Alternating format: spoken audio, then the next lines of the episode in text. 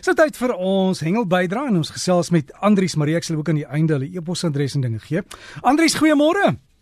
Môre Derek, môre luisteraars van dit goed daar by jou kant Derek. Hier by my voor wind ek kyk hier by die venster uit. Ek sien so 'n paar lae wolke, die son kom op. Um, ek vermoed by die kus is dit klaar op. En ook jammer dat dit nou ons laaste program is, jy weet, maar dis die einde van ons ons seisoen. So 'n paar dinge verander en dan gaan ons in die nuwe maand in Andrius.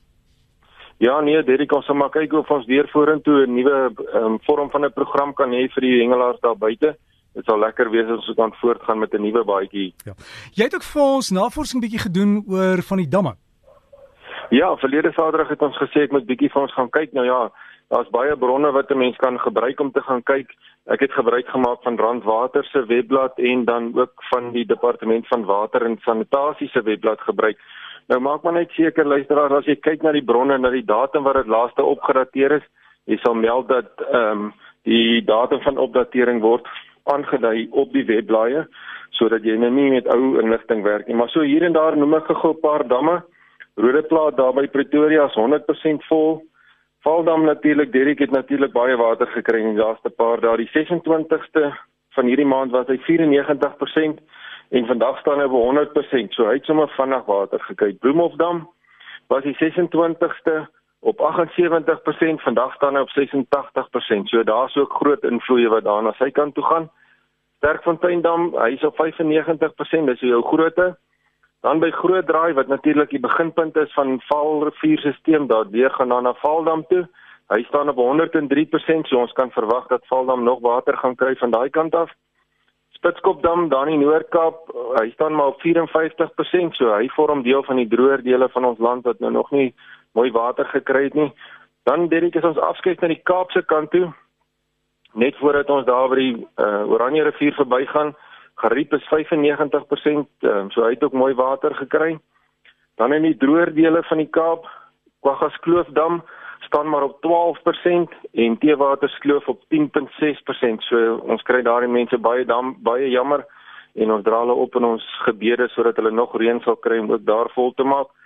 Dan na na die Oos-Kaapse kant toe, nou uh, Regals Way is 94% en in Natal Albert Falls die grootte wat daar is, hy's maar op 36%, so hy kort ook nog heel wat water daar.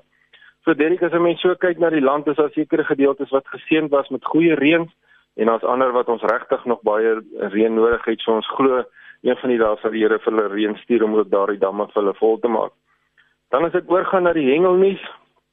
Ja, dit was lekker geweest om so 'n bietjie uit te vind wat aangaan en natuurlik omdat dit Paasnaweek is en daar's baie mense wat op vakansie is, het ek so 'n bietjie gedink om te fokus op die kusgedeeltes. So ons gaan so 'n bietjie daaronder in die Kaapstad area begin Uh Tommy Enrico het vir my vertel, hy is een van ons uh, Protea hengelaars wat van die strand af hengel, dat uh, die vangste op hierdie stadium nogal goed is daar in die Kaap.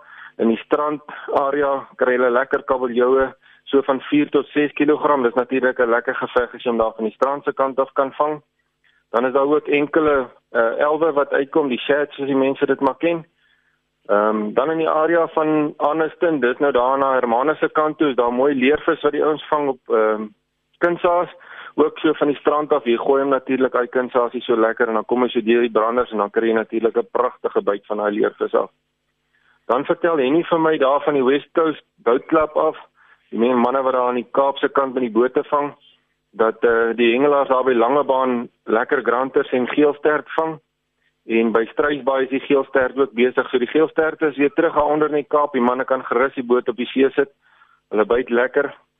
Natuurlik wag hulle almal vir die snoek om af te kom. Die snoek is nog baie noord, daar by Port Nolloth se area, so een van die dae as hulle begin suid beweeg, dan uh, gaan die manne hulle weer uittrek en dan kan ons weer die bo in die Transvaal ook begin snoek eet.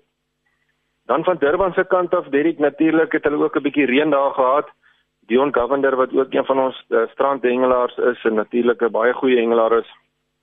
Hy vertel vir my ehm um, dat die vangste is maar bietjie swakkerig daar in die omgewing van Durban. Hulle kleinerige sandhaie van so 15 tot 20 kg daar gevang en uh, ook uh, so bietjie van hierdie um, pylsterte en die rogvisse ook gevang. Nie vreeslik baie nie. Die uh, wind het so bietjie sleg gewaai van 'n suidwestelike rigting af en dit maak natuurlik die see nie so lekker vir die vang nie. Ehm um, die seeengelaars noem dit mos maar die see lyk nie reg nie. So dan help dit niks jy gaan soontoe nie. Hy vertel tussen die Durban Ehm um, Aria en Belito is daar ons wat so bietjie met die kinders ook gevang het en hulle het lekker Natalse snoek en uh, koningvis gevang. Dis nou die kingfish wat ook natuurlik 'n lekker speel ehm um, spelere in die in die branders afgee. Hulle is so 2 kg nie groot vis nie, maar is altyd lekker om hulle te vang. As 'n mens bietjie noord gaan op die kus daar na Richards Bay se kant toe, is die vangste goed op hierdie stadium. Hulle het ook daar 'n groot sandhaai van 50 kg gevang in die area van uh, Slobane. En uh, dis natuurlik nodig dat die manne wat daar bo wil visvang kyk na die wind. As die wind so noordoos gewaai het, dan kan jy weet, jy kan jou stok op die dak sit en see toe gaan, dan behoort die vangste baie goed te wees. Ehm um, dan in die binneland vir die manne wat nou bietjie kamp vir die naweek, die vangste by Valdam was baie goed geweest. Die manne het so 30 na 40 karpies gevang elke dag alhoewel die watervlak natuurlik gestyg het. So onlangs ehm um, het die manne so 3, 4, 5 meter op 'n dag die water sommer by hulle gesien verbyskuif soos wat die water opstyg.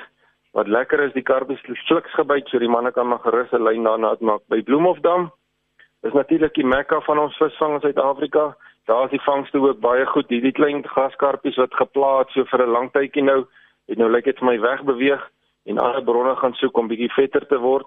So die manne vang nou lekker daai karpe van so 2 tot 4 kg. So die vang ek skiet tog die vangste is baie goed uh, op hierdie stadium daar by Bloemhof.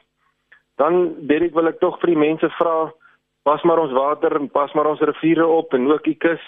Ons het dit regtig nodig dat ons na ons eie water en ons omstandighede omsien sodat ons kan altyd dit weer kan gebruik in die toekoms. Derek, dan wil ek laastens net vir hom Gawie baie dankie sê vir sy tyd al die jare wat hy ingesit het in hierdie program. Dit is jammer dat ons nou op tot sy einde gekom het maar ek glo ons sal weer vorentoe kan praat oor die hengel om Gawie. Baie baie dankie vir jou moeite en jou insette wat jy gelewer het.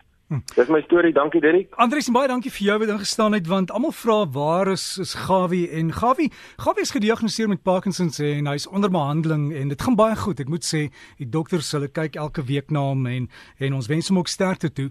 En Andries, dankie ook vir jou wat so ingestaan het sommer hier op die nippertjie en dit was klomp jare wat ons hengel gesels het en ek hoop is nie die laaste nie.